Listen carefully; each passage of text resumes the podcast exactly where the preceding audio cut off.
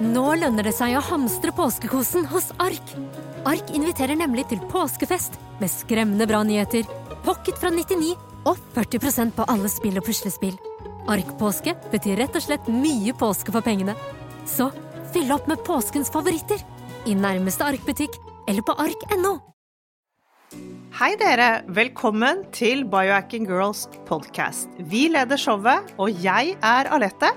Og jeg er Monica. Vi er gode venner og kolleger, og vi legger sammen våre erfaringer og kunnskap for å inspirere deg til å bli din egen biohacker og optimalisere livet ditt.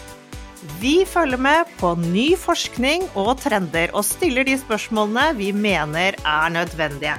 Ja, vi deler informasjon om biohacking, life coaching og fitness, og vi håper at du vil føle deg inspirert og klar til å ta et tak for å komme i den beste helsemessige form. Velkommen til Biohacking Girls podcast. Denne podkasten har vi gledet oss til, for nå virker det som vi i Norge har fått øynene opp for et alternativ til den vanlige tannlegen vi blir kjent med som barn, og som følger oss gjennom livet. Det er nesten så vi får litt sånn personlig forhold til denne tannlegen. Jeg husker jeg har hatt samme tannlege fra jeg var bitte liten, til nå nylig hvor jeg endelig skiftet. Og det var nesten som en sånn skilsmisse. Ja, ikke sant? Mm. Men du, og din tannlege er jo nærmest holistisk, har iallfall tatt dine ting og spørsmål på alvor for deg. Ja, den jeg går til nå, det, da, da, søkte jeg jo etter en holistisk fordi jeg skulle ta ut amalgam. Ja, mm. og så mange spørsmål som renner inn i innboksen vår, eh, så virker det som det er litt endring der ute. Fordi funksjonell eller alternativ medisin begynner å få et ganske godt fotfeste i Norge, takk og lov. Og det er tydelig at vi nå vil gjerne ha samme alternativ når det kommer til munn og munnhelse. Ja, og det var veldig viktig for meg, for jeg har hatt lyst til å ta bort amalgamen min lenge, men det var ikke noe min vanlige tannlege ville gjøre på noe spesiell måte. Nei, nei, nei. Så da lette jeg og søkte litt, og så fant jeg da en um, holistisk tannlege i Oslo. Men um, det er ikke så mye å velge i når det kommer til uh, denne type tannbehandling i Norge foreløpig. Men det kan hende det har blitt litt bedre siden det. Men der jeg går, jeg tror ikke det er noe det er ikke noe Dr. Dome, det er ikke noe biohacking-senter der inne, for å si det sånn. og apropos eh, Dr. Dome, som var mandagens episode, vi snakket med han fra Tubinge i Tyskland, og han har en super Insta-konto med nærmere 150 000 følgere og masse gode tips. Og han er jo veldig anerkjent innen sitt felt. Han er en eh, foredragsholder på flere biohacking-konferanser rundt omkring i verden. Kanskje vi får han til Norge etter hvert, vi vet ikke. Men han er i alle fall en biohacker, og i dag så skal vi gå gjennom litt det vi fikk ut av samtalen med han og litt egne refleksjoner. Så velkommen alle sammen, gode lyttere, nye og gamle, til Biohacking Girls, din podkast for optimal helse. Det første vi oppdaget, var jo at Dr. Dome han hadde utrolig fine tenner. De var veldig hvite, og han fortalte at han har faktisk aldri bleket dem, så noe riktig må han jo gjøre. Det er helt uh, nydelig å se et så stort og fint smil, men Alette, vi får legge til grunn at han hadde tatt en niacin flush, så han var altså ganske rød. Uh, han skulle sikkert inn eller ut av, sikkert inn i badstua og forberedte seg til det. Ja. Så det var stor kontrast. Uh, allikevel så var de hvite. Vi snakker jo litt med han rundt historien bak tannbehandling, og hvorfor så mange er redde for å gå til tannlegen. Det er jo tannlegeskrekk som jeg har kjent på selv, det er mange som sliter med det. Og, men man, det kan jo komme av at du vet at Den gamle måten å tenke tannlegeyrke på er at de bare skal bore, og det er et håndverk, og de skal reparere og drille og sånne ting. Eh, trekke tenner og reparere masse skader. Særlig dette med reparasjon, at det er et reparasjonsarbeid, sier han. Og da er jo det forbundet med smerter, selv om du får en bedøvelse og sånn. Men det som er fint, som jeg syns var så nydelig når han snakker om dette nesten som kunst og estetikk og håndverk, at det ligger et nøysomt arbeid i hendene hans, at han er så dedikert, og han legger hele sin sjel. Og du kan like en holistisk tannpleie, tannlege, teori eller ikke, Men dedikasjonen til Dr. Dorm syns jeg var helt unik. Ja, den lyste gjennom skjermen til oss. Han var virkelig en passion for dette. Og vi snakket jo selvfølgelig om mikrobiomet i munnen, og om hvor omfattende og rikt det faktisk er. vi er. Men det som ikke jeg visste, eller det var veldig pussig, vi er faktisk født helt uten et uh, mikrobiom i munnen. Men som alle vet, så starter jo barn å putte ting i munnen med én gang. Og så bygger vi gradvis opp dette mikrobiomet. Og munnens mikrobiome det har faktisk fire til ti ganger rikere innhold enn det vi har nede i tarmsystemet vårt. For alt kommer jo via munnen. Så det var veldig, veldig spennende. Der er det masse bakterier, sopp, parasitter, men alle disse tingene er veldig viktige. Jeg syns det var veldig spennende. Vi hadde Eva, helhetsterapeut Eva Andresen på podkasten vi snakket om munns microbiome. Så det er bare å spole tilbake i arkivet nok en gang. Men hvis du har hatt mye tannpleie opp gjennom tidene, så er jo det en god grunn til å tenke at det har forandret seg, mikrobiomet som du snakker om, Alette. Og han fram, legen Dr. Dorm framhever faktisk at nedbryting av tennene eller hull i tennene er liksom den største sykdommen i verden i dag. Så det er ikke så mange som tenker over det. Vi tenker ofte på at hjerte og kar eller kreft eh, ligger i denne kategorien. Men det starter for mange med sykdom i munnen, sier han. Ja. Og det, det, det, er jo veldig, veldig vanlig å ha hull i tennene. Jeg, jeg, tror de fleste omtrent har det, og dermed er dette blitt en sånn ting som er helt, helt vanlig, men det er jo faktisk ikke helt riktig, selv om det er vanlig. Og så snakker vi litt om da klinikken hans i Tyskland. Han har jo klienter fra hele verden som kommer til han eh, og besøker han der. Jeg tror, ja, eh, Han er nok ganske så verdenskjent når det gjelder dette med tannhelse. Og det er gjerne da folk som kommer, de sliter med arbeid som har vært gjort i tennene sine tidligere. De har skader, finner ikke hjelp der hvor de holder til, og så har de hørt om han, og så kommer de da. Og da er det gjerne sånne Han kommer eksempler, det han jobber mye med, er jo rotfyllinger, visdomstenner som er blitt trukket, metallfyllinger og sånne ting i munnen. Ja, for dette, jeg vil bare si noe av dette, fordi jeg har jo hatt en rotfylling, men det, jeg hadde hatt lyst til å snakke mer om det, men jeg vil iallfall si det nå. At det, som skjedde den gangen, at jeg var som dårlig tannlege som satte på en krone på en tann som ikke egentlig trengte en krone. Altså det var gammelt hull, jeg hadde fjernet amalgan og et gammelt hull. Men i alle fall, jeg hadde smerter i den tannen der, så det endte opp med at jeg måtte dra til en slags tannlegevakt og et nytt tannlegesenter i Oslo, som vi går til fremdeles, eh, kjempebra, i Oscars gate på Majorstuen. Uh, og der uh, Oris Dental heter de, og de underviser på Tannlegehøgskolen. Veldig flinke folk. Og den tannen var så dårlig stilt at de måtte bore gjennom kronen og rotfylle gjennom en krone. Fordi at uh, han hadde ødelagt hele tannen. Så det kunne jo vært en erstatningssak til og med. Jeg gjorde ikke det, for jeg var så opptatt av Jeg var så redd, og det var så ubehagelig. Og den følelsen når de går inn og dreper nerve i tannen men jeg har fremdeles ubehag der. Eh, det er ikke sånn det plager meg sånn hele tiden. Ja, men det er noe Jeg bare kjenner at det var liksom helt sånn uforskyldt. Og, ja. Og, da fikk jeg litt sånn Det går kanskje an å gjøre noe med det, for jeg har en følelse jeg må gjøre noe med det. Ja. Og det, det, var jo interessant til de spørsmålene han stilte oss, jeg følte meg så truffet. Ja. Du, det var de tre spørsmålene som han bare stiller. Har du metall i munnen? Ja, check. Har du rotfylling? Ja. Check. Har du trukket visdomsender? Check. Så der var vi bare OK. Så det var jo eh, oppklarende å få høre at, at, det er helt unaturlig å trekke disse visdomstannene, at dette er blitt et moderne problem fordi at det, ja, skjevene våre Dette snakker jo mange som driver med mm. ancestral living og, uh, og ser tilbake til røttene våre, at uh, de har blitt, skjevene har blitt mindre. Så dette med visdomstenner det kan jo medføre problemer med en gang man begynner å fjerne de, for det kommer bakterier som gror, og ben som blir mykt og porøst. Og det er jo særlig tenåringer som får beskjed om å trekke visdomstanner han er bekymret for. Her i Norge så føler jeg at vi er litt eldre. Jeg, tror, jeg, jeg kjenner ikke noen 13-14-15-åringer som trekker visdomstanner. Jeg føler at tannlegene her hjemme er veldig ansvarlige og venter rette. Og jeg ser òg at eh, de jeg kjenner som har tatt eh, og måtte trekke de, de har fått en god antibiotikakur i forkant og forberedt så godt de kan. Så, så det er sikkert mye som gjøres i Norge som er bra, men man kan jo iallfall vurdere om man skal gidde å trekke de hvis man ikke må. Nei, og det, det som han sier som er ganske ok, det er å, i hvert fall å prøve å vente lengst mulig, for jo mer utviklet man er, jo bedre er det da å ta de bort i forhold til når ikke, når ikke kjeven er ordentlig ferdig ut, utviklet. Ikke sant? For det er jo dette med ja, den inflammasjonen som kan komme når du har trukket visdomstannen. Ja, og når det blir kronisk, så kan ikke kroppen jobbe mot det lenger, og Dom forklarer jo det som at det er nesten som noe blir stille, eh, men det blir ikke borte. Det er det jeg tenker med den tannen din nå. At det er, ja, det er litt sånn stille. Stille, men det er ikke borte, sant. Uh, nå har jeg føler at jeg har god helse, da, men det skal, han mener at det påvirker hele nervesystemet, og det kan gjøre oss syke på sikt. Og da er det vanskelig å skjønne sammenhengen med at du trakk en visdomstann da du var ung, liksom. Eh, det er ikke alle som tenker på det. Ikke i det hele tatt.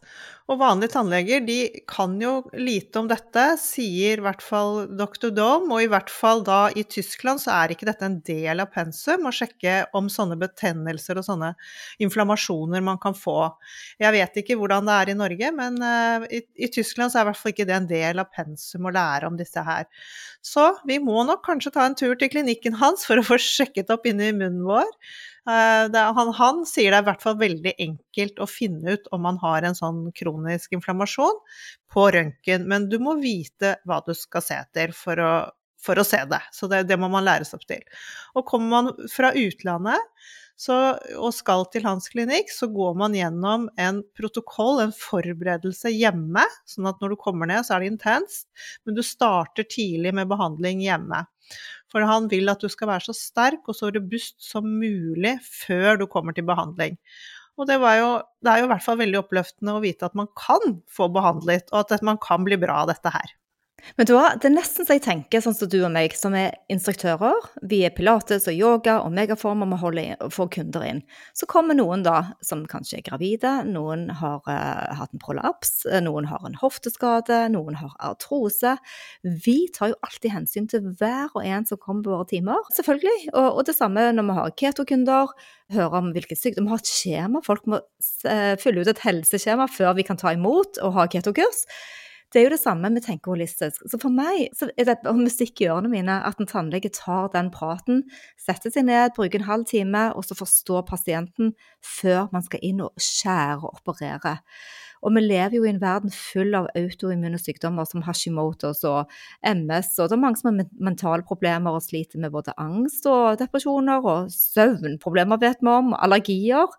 Ja, hva mer? Eksem. IBS, det er jo stort, eh, og ja det er mye eh, som kan ha sammenheng med munnhelsen vår, mener dr. Dorm, og for meg så klinger dette òg veldig bra.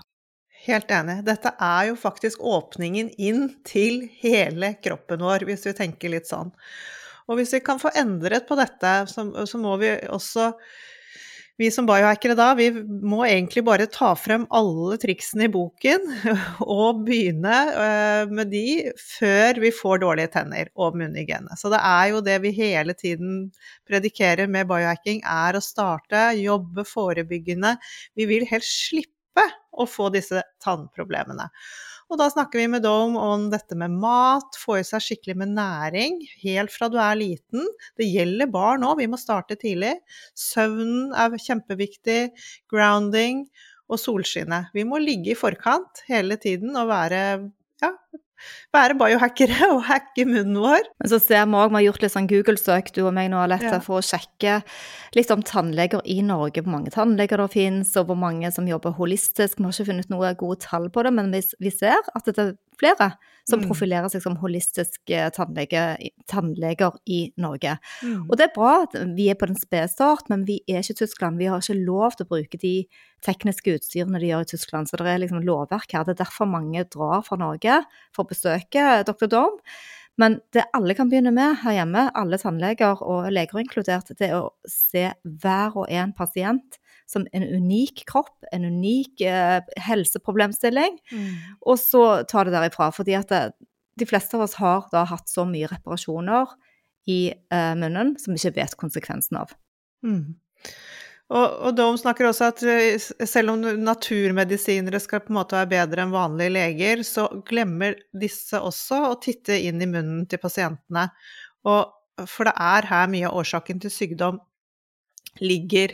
Og disse operasjonene og reparasjonene som man allerede har gjort eh, i munnen da, av en vanlig tannlege, det, som, som, absolutt skulle gjøre ting bedre, og vi må reparere når ting er ødelagte, men disse reparasjonene må faktisk fjernes før kanskje sykdommer og plager kan bli bedre, hvis det er det som er årsak til problemene.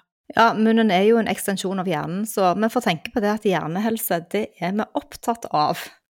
Men hvordan ser fremtiden ut? Det er jo alltid litt spennende å se hva vi kan få ut av det. Hva kan vi gjøre annerledes for barna våre? For det vi er på en måte Vi har uh, tatt visdomstennene, og hva, kan vi la de slippe å gå gjennom? Og der syns jeg vi har noe å utrette. Det er der vår helserevolusjon kom inn. Ikke sant, Alette? Mm, det er liksom, helt enig. Og, og, det, vi kan jobbe preventivt, uh, og helst før man blir gravid og ønsker barn. For optimal helse gjennom graviditet komme tilbake til hvor viktig ammingen er. Ikke bare for næringsmessige, men også for utviklingen av kjeven til barna og evnen til å bruke munnen. Og ikke minst trene barna på nesepust, for naturen gjør ikke feil. Og dr. Dorm sier jo at man skal prøve å amme i 18 måneder, om ikke mer. Men nå må dere som lytter på, ikke få dårlig samvittighet om dere ikke har gjort det. Her eh, bare sier vi hva som er optimalt.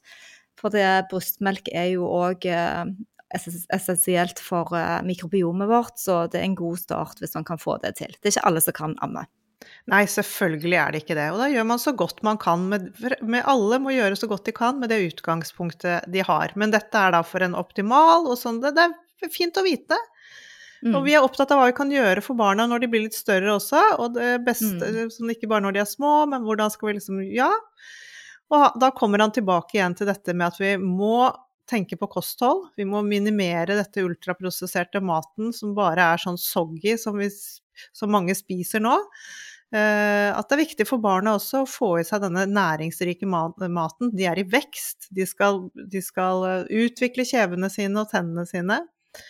Og dr. O'Dome er jo absolutt ikke spesielt glad eller begeistret for verken korn, mel eller gluten. Det skinner jo igjennom. Dette mener han at barn spiser altfor mye av, og det trekker viktig næring ut av kroppen. Vi bør sjekke ut glutenintoleranser, mener Dome. Ja, for det med gluten jeg, jeg, er liksom ikke sånn fanatisk opptatt av at man ikke skal spise gluten. Uh, gluten kommer inn i kostholdet vårt innimellom, men det er ikke en del av det daglige. Sant? Så, så der òg, det handler om å redusere litt. Grann. Og jeg ser på yngstemann òg, er han i et selskap og får i seg litt pizza med gluten, så det gjør jo ingenting. Men vi, vi har jo ikke gluten i huset vanligvis. Vi prøver å spise grønnsaker og fisk og kjøtt og poteter og ris, alt dette. Så, og særlig hvis barn har fått hull i tennene. Det, det kan jo òg ha en sammenheng med selvfølgelig kostholdet, men òg næring i blodet, altså vitaminnivåene f.eks. snakker han om.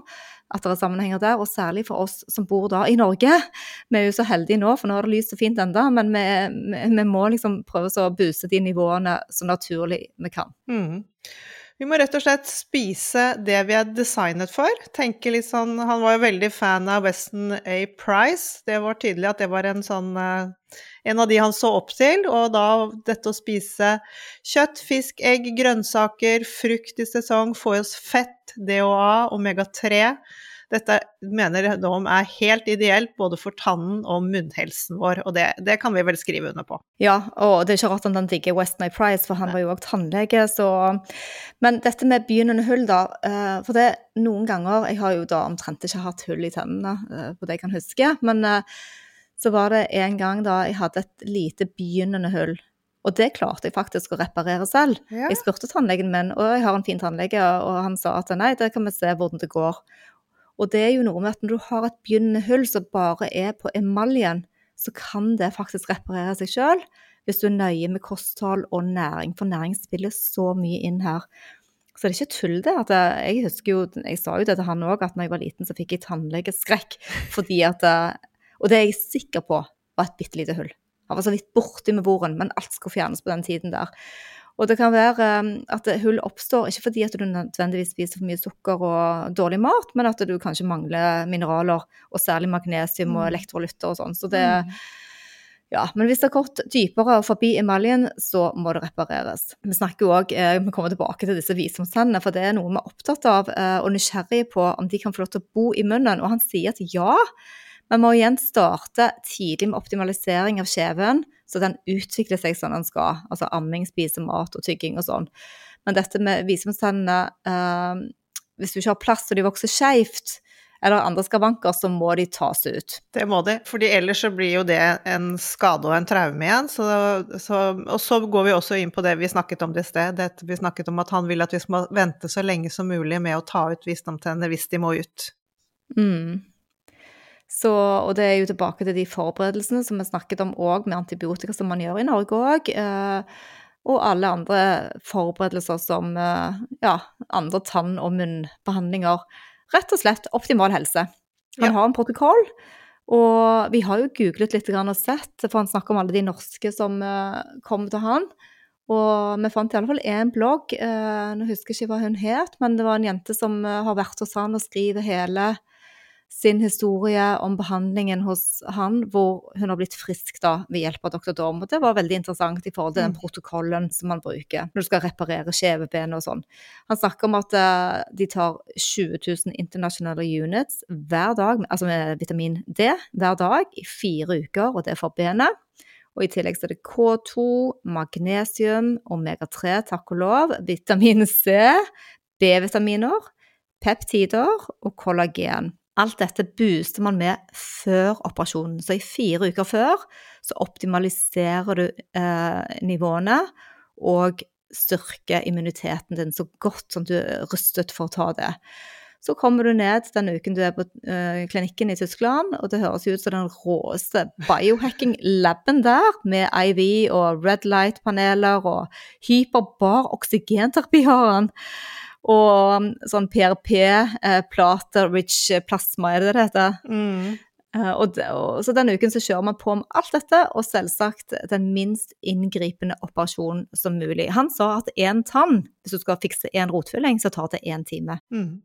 Og så er jeg veldig glad du spurte han om antibiotikaen, Monica, fordi eh, det svarte han også på at eh, ja, selvfølgelig må de bruke antibiotika, men han bruker det ikke på vanlig måte som andre tannleger gjør det. Gir, du, du, får en IV-dose med antibiotika i blodårene, og sammen med en høy dose D-vitamin og magnesium. Og dette er da for at det ikke har noen innvirkning på munnens mikrobiom. Så gjør han det den veien. Mm, så det, det og så blir det jo mye mer effektivt å tas opp eh, mm. direkte. Så det er et fint hjelpemiddel for å drepe bakterier når man eh, gjør inngrep. Det er noe han kaller for ozonterapi. Det er et apparat hvor en kan gasse dette rett inn der hvor inngrepet blir utført.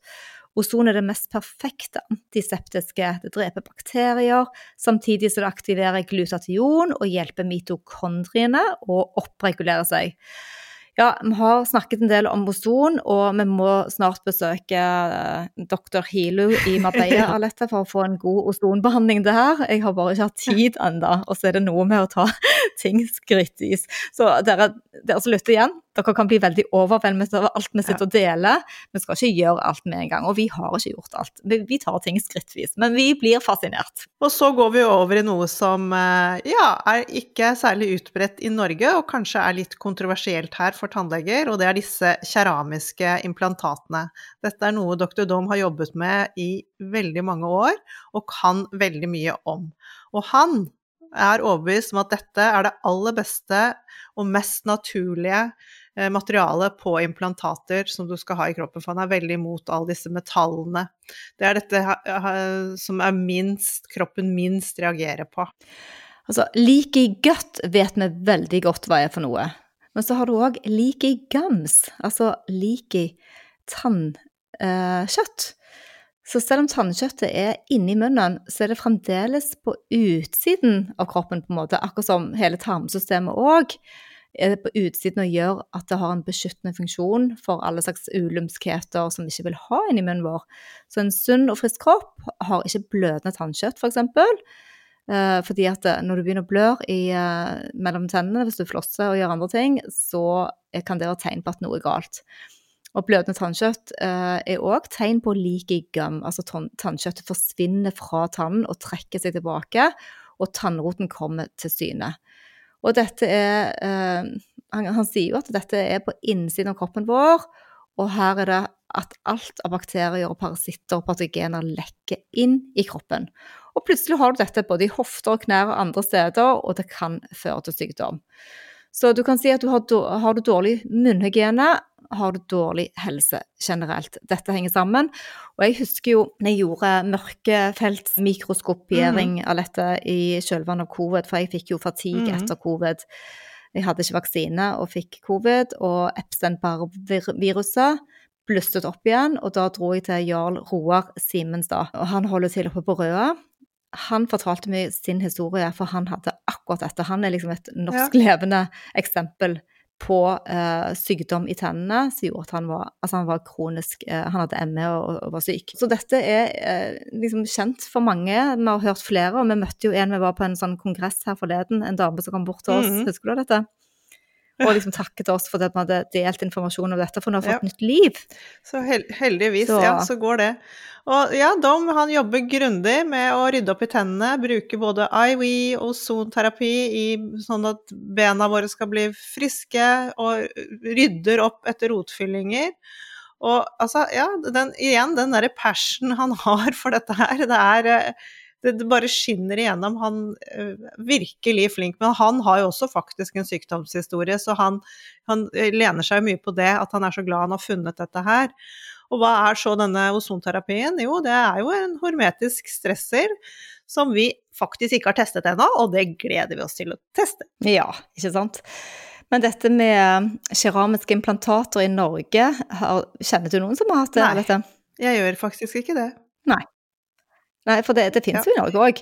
Og det er jo et biomateriale som skal erstatte den tannen som nå ja. mangler. Det er veldig godkjent i verden. Og før så brukte man mer metall, og det er mer en standard, og da titan. Og da mener jeg da at siden dette er et fremmedstoff, så vil det òg reagere som et fremmedstoffelement i mm. kroppen. Da har vi uten tvil først selvfølgelig at vi velger vår egne sunne tann.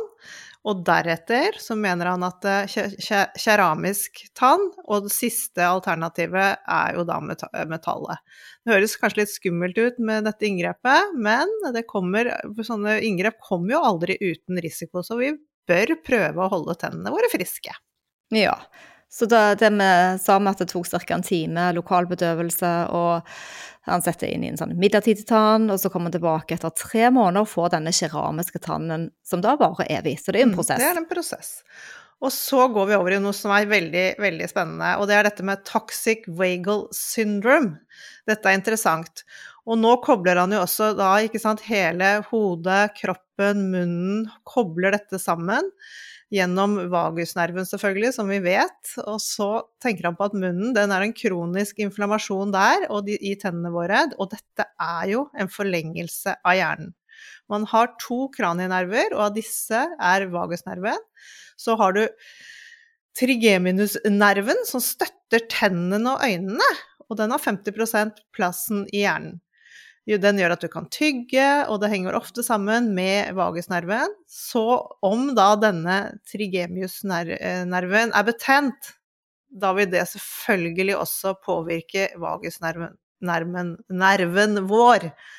Og Dome han kaller dette for retrograd, at alt går tilbake til hjernen, det, det, går sånn frem og tilbake, og det, dette gjør at vi befinner oss da i et sånn konstant stress, stressmodus pga. denne belastningen det er for kroppen vår å ha en betennelse. Dette kan påvirke søvn, det kan gjøre oss syke, alle disse tingene. Så hvis vi da et lite øyeblikk tenker at vi snakker alt vi sier nå på denne podkasten handler om helse, det handler ikke om tenner, det handler ikke om tarmer, det handler ikke om noen ting spesifikt, men det handler om uansett hvor disse bakteriene kommer i kroppen, så, så, vil det påvirke oss på en eller annen måte. Så snakker vi jo samme mm. språk. Uh, for det er jeg sikker på at mange blir provosert av Dr. Dorm i Norge. Men uh, hvis man tenker helhetlig på det, hvordan helsebildet mm. Så, så, så syns jeg at uh, Jeg tror ikke det er veldig mange tannleger som snakker om HRV, for Nei, jeg tror ikke jeg. Jeg, jeg tror ikke jeg heller. Nei, jeg tror ikke. Jeg tror ikke mange fastleger heller snakker om HRV, eh, kanskje nå litt etter hvert, etter Torkel Færøy har vært så på banen med boken sin, ja. takk og lov. Men for det, Dr. Dorm var veldig opptatt av HRV. Eh, Men eh, jeg likte veldig godt den tanken han har om at det er en patologisk HRV og en normal mm. HRV. Og at man må se på de to forskjellene. Mm. For når du gjør noe tøft, tøft en hard trening eller noe ekstremt, så kan det påvirke HRV-en din og hvordan vi da pusher adrenals, altså mm. binyrene våre. Mm. Så dere som hører på, eh, prøv å finne dine to målinger. Den som er lav ved stress, og den som er høyere når du er i mm. balanse. For disse to må du da ta hensyn mm. til. Det er faktisk veldig interessant å se litt på begge deler, og hva er det som gjør at du, ja, du kan lære så utrolig mye av det. Og du har jo det som er sympatisk drevet nervesystemet, og da er jo kanskje ikke keto-kostholdet det du skal drive mest med. Da trenger du kanskje å fylle på med mer planter, mer grønnsaker. Du trenger mer carbs, rett og slett, for å roe ned. Det høres kanskje motsatt ut, men det er når du er i det sympatisk drevete, så trenger du absolutt å roe ned nervesystemet. Og så om, da, så da om du er sympatisk revet, så er det kanskje ikke du som skal spise så mye carnivore-diett, bare kjøtt hele dagen, for da fyrer du binyrene enda mer. Ja, det var lærerikt for meg. Du kjenner deg igjen ja. i den, gjør du ikke det? Jo, veldig. Så, ja. Uh, og problemet er jo at sympatisk krevende personer elsker jo adrenalin. Haha, jeg kjenner deg igjen. så er det en sånn type så er ikke lange faster noe for deg.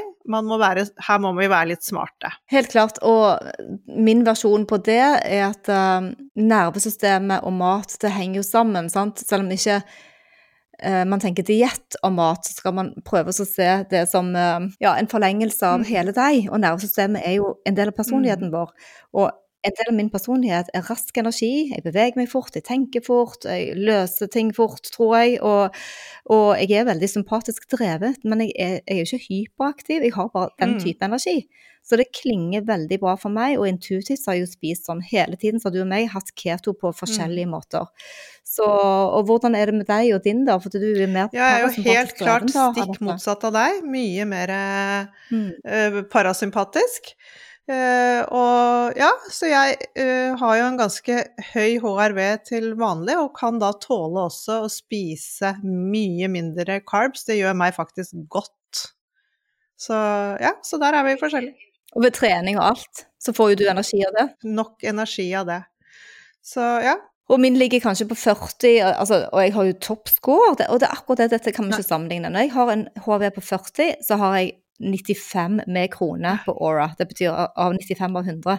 Altså 97 til og med. Så da er jeg helt, helt i god form. Men hvis jeg er syk, eller hvis jeg er stresset, eller hvis jeg drar på Bruce Springsteen-konsert og kommer hjem eh, sent på natta og sover tre timer, så har jeg en HV helt nede i åtte jeg har hatt noen ganger. Men for meg, ja, eh, åtte er kanskje normalt hvis jeg er syk da, mens uh, for deg er kanskje 18 normalt hvis du er syk, ikke sant? Så, så, det er tilbake til det at det er knyttet opp til kosthold og til eh, ja, mennesketype. det er det. Mm. Og det er, det, det er, jo det som er så gøy med dette med HRV også. At, eh, og, og så syns jeg det er så kult at vi er så forskjellige. at vi kan sammenligne ja. og snakke om det. Og det, det, er jo helt supert. Man lærer jo så mye av det òg. Og jeg, jeg, ligger jo, jeg ligger jo sta, stadig liksom opp rundt eh, Jeg ligger mellom 75 og 90 frem i HRV for det meste. Eh, men selvfølgelig er jeg dårlig, så havner jeg nedover. Og er jeg stresset, så går jeg nedover, og da ligger jeg nede i 35-40. Og, og, da, ja, sånn er det bare. Og det sier seg sjøl. Hvis jeg skulle sammenligne med deg, så ville jeg følt mm. meg dårlig. Ja, og det er veldig viktig, fordi det betyr ikke at selv om jeg er høy altså, Jeg vet ikke helt hvor det kommer fra det der at høyt er bra og lavt er dårlig, for det er jo ikke sånn. Det kommer jo an på deg. Så derfor så er det så bra at ja det, det, har vært litt misvisende, og jeg tror vi har lært mye mer om HRV siden vi begynte ja. i 2020. Uh, og Derfor er det så viktig når dere lytter på podkasten, for vi har fått uh, en del tilbakemeldinger etter posten vi hadde denne uken, hvor vi snakker om disse to parasympatiske og sympatiske folk. Å, endelig har jeg funnet min, og nå skjønner jeg hvorfor. og og da kan jo dere, hvis dere vil, noen kan sammenligne seg litt med meg, som er sympatisk drevet, og noen andre kan sammenligne seg litt med deg, Alette, som er mer parasympatisk drevet. Hvis det var eh, et ønske. Ikke at man skal det, da, men, eh, men da har du iallfall litt mer sånn typemessig å se etter. Men la oss gå videre til episoden. for det at eh, jeg syns det var så kult at med tanntråd for meg er jo tannhelse forbundet med tanntråd, rydde opp altså Jeg har vokst opp med det, jeg har vokst opp med tannleger. Sånn at det, det var Jeg fikk jo aldri godteri som barn, og jeg fikk jo sånn kjempesukkercravings, så det må jeg bare si. Gi barna deres godteri. Ikke la de bli som meg, for jeg endte opp eh, med å spise altfor mye plutselig noen år, og la på meg da når jeg var 15-16 år.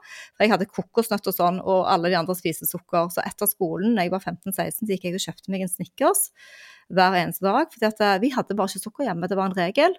Og det gjorde helt det mot, fikk motsatt effekt. Så jeg mener at barn må få sukker litt innimellom og heller uh, prøve å balansere det. Men iallfall tilbake til tanntråden da. Siden dette var en del av uh, min oppvekst, så var det veldig viktig. Og han bruker jo overhodet ikke tanntråd. Og jeg, jeg fikk jo bakoversveis. Vi hadde jo lest om dette og visste at uh, dr. Dorm ikke gjorde det. Men han, han, han, viser til studier at når man spiser riktig mat og ren mat, så renser tennene seg selv og særlig hvis du ikke har fyllinger, og det tror jeg er saken med han. Jeg har jo noen fyllinger, det har du òg, men han har jo ingen fyllinger. Nei, dette her overrasket meg òg, og jeg må bare si jeg er helt addicted til tanntråd. Jeg klarer ikke å Jeg klarer ikke å la være, selv om han har sagt at man ikke skal bruke det. Jeg syns det er skikkelig kan ikke sitte med Nei. bringebærkorn og eh, holdt på å si, rester etter mat i tennene med brokkoli og sånn, og så sitte og Nei, snakke med folk. For meg er det helt uh, uhygienisk. Men jeg har veldig godt tannkjøtt, så det gjør ingenting. Jeg begynner aldri ja. å blø, da jeg har ingen plager på sånne ja. ting. Så jeg tror jeg kommer til å fortsette med min ja, jeg fikk det ut av det allikevel. Men han har jo disse tre ja. um, Dr. Dom har jo en sånn sånn nedlastbar sånn tannhelse... Han har veldig kul Instagram. Hvis du trykker på den og går inn på hjemmesidene, så kan du laste ned en sånn guide som han har, hvor han snakker om naturlig tannhelse. Og der har han tre punkter. Og det første er å bruke tannpasta som er mest mulig naturlig. Han remser opp masse forskjellige ingredienser som man ikke vil ha i tannpasta. Og så nummer to er å kaste ut alt du har av sånn kjemisk munnskyld. Han er blodfan av kokosnøtt oil pulling, og det liker vi også. Men å bruke det istedenfor. For disse kjemiske mm, munnskyllene som du får kjøpt i butikken og sånn, de eh, er bare De dreper da munnens mikrobiome, sånn at Sånn at blir helt, det blir helt ødelagt. Så det, det, å ta fluorvann og sånne ting er han veldig imot. Vi må bruke oil pulling, og det har vi snakket masse om. Det er jo bare å ta bitte litt en skje med kokosolje i munnen og svosje frem begynne å svosje. Svosje frem og tilbake, ja. og helst over fem minutter. Det er veldig meditativt og deilig også. Ja. Og så spytte det ut i søpla, ikke, ikke i vasken. Ja. Og så får du faktisk hvitere altså, tenner. Du, det tar bort tannsten. Hvis du er liksom diligent med dette, gjør det hver dag, så vil du se gode resultater. Og det siste han absolutt har på denne listen, det er de tre tingene. Det er tann, tannbørste, nei, nei, tannpasta, oilpulling og så tungeskrape. Jeg er veldig fan av at du får munnhygienen din, at du skraper tungen for sånn plakk innerst. Ja, jeg vil bare si det med fordelene med oilpulling òg, fordi at uh, vi lager da en liten, uh, et lite sånn isterningbrett. uh, når oljen er, kokosoljen er passe varm, så kan du tømme den over. Blande inn litt grann, eteriske oljer, og da liker vi peppermynte, og kanskje litt sitron òg, men peppermynte er favoritten. og sette den i kjøleskapet så det blir sånne små firkanter. Hive de over i en liten pose. Og så kan du bare ta en liten sånn uh, si, kule i munnen på morgenen. Ja, eh, Fordelene er at uh, kokosfett virker antibakterielt, antiviralt, det detoxer uh, munnen din, støtter tenner og spytt, og bakterien i munnen blir bedre. Så det er veldig fint. Uh, jeg tror jeg skal bare si dette med tannpasta òg. Mm. Vi har jo lagd en del mm. reels om tannpasta. Det er mye ekkelt i det, så hvis dere ikke har sett de, så gå tilbake og mm. se. Men hva syns du om de tann tannkremene du bruker nå, da? For du bruker det samme som meg, Dr. Organic og Redmond. Ja. Jeg må bare si, helt ærlig, at jeg er ingen fan av sånne tannkremer. Jeg kan nesten like gjerne droppe tannkrem. Det syns jeg nesten er bedre. Jeg syns bare det er litt sånn ekkelt. Jeg liker de gode gamle fremdeles, helt ærlig. Eh, jeg sliter med, med de, som, eh, de naturlige tann, tannkremene. Ja, du synes, du du liker nesten bedre Colgate? Ja, jeg liker mye altså. bedre Colgate.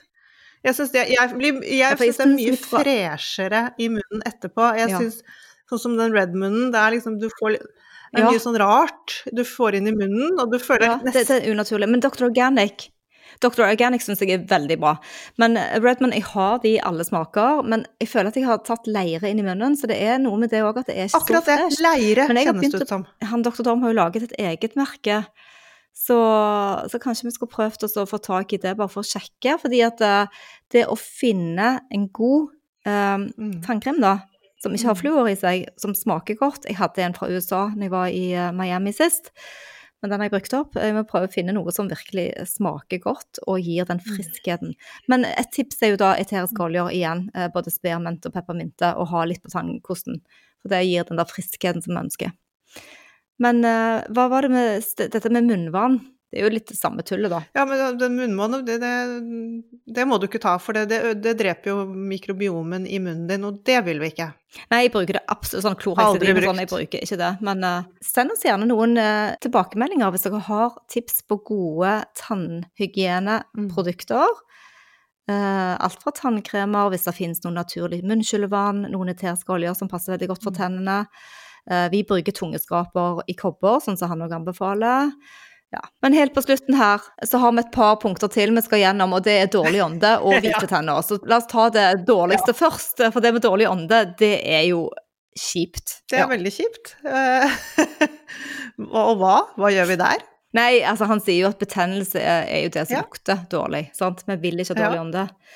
Så, og det kom, kommer fra alt fra periodonditt, altså tannkjøttsykdommer som ikke er bra, eller så er det ting på tungen din, det kan være dårlig mat og sukker og så og sånn. Og da produseres eh, mikrobiomet ditt eh, en annen type flora som lukter Ja. mer. Og hvis du er munnpuster, så, Ja, så- så så, Og keto Keto, ja. ja, jeg sier at keto, men det er jo bare forbigående. Du, liksom, hvis du begynner på keto, så kan man få litt sånn acetonånd og sånne ting, da. Så ja. For han snakker jo om det at eh, den dårlige ånden er jo et symptom på at noe er gærent, ikke sant. Så hvis du da sliter med dårlig ånde, så er det jo noe Det kommer jo nedenifra, dette her. Så er du sunn, så har du ikke dårlig ånde. Hvite tenner. helt klart. Ja, hvordan, får, hvordan Ja. får man da disse hvite tennene?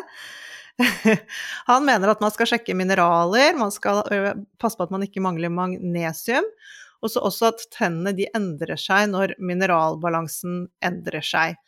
Men jeg slår et slag for den der oilpullingen, altså jeg syns det. Jeg syns man får ø, hvitere tenner av det. Har du bleket dine Ja, tenner? jeg gjorde det en gang for tolv år siden, og det var ingen forskjell. Og da fikk jeg beskjed om at nei, du har sånne tenner som ikke blir hvitere, du. Ok. Jeg gjorde òg det. Jeg fikk sånne sprøyter Ja. og skulle sette inn i en sånn uh, skinne. Uh, men jeg gjør ikke det nå, selvfølgelig, uh, og har ikke lyst til å gjøre det. Så, men vi har en utfordring Nei, ikke en utfordring, vi har en Jo, ja. Vi skal vise i alle fall en morsom måte å bleke tennene på. Vi skal ikke Nei. si det her nå, så følg med på Instagram-kontoen vår. Så skal vi vise dere hvor kult i en liten reels noe som du ikke tror gjør tennene Mm. hvitere. Yes, men dere, da håper vi at dere også har fått litt ut av denne gjennomsnakkingen av mandagens eh, episode. Den var lang og omfattende. Vi satt igjen med masse eh, tanker og mye å ta tak i. Ja, og hvis du vet om en god tannlege, eh, eller du har en god tannlege som du stoler på, så kan du jo ta med disse tankene òg videre. For vi er jo selv ansvarlige for å få mest mulig utbytte av de vi stoler på i helsevesenet. Så med det så ønsker vi dere en fantastisk torsdag og videre uke, og Happy biohacking!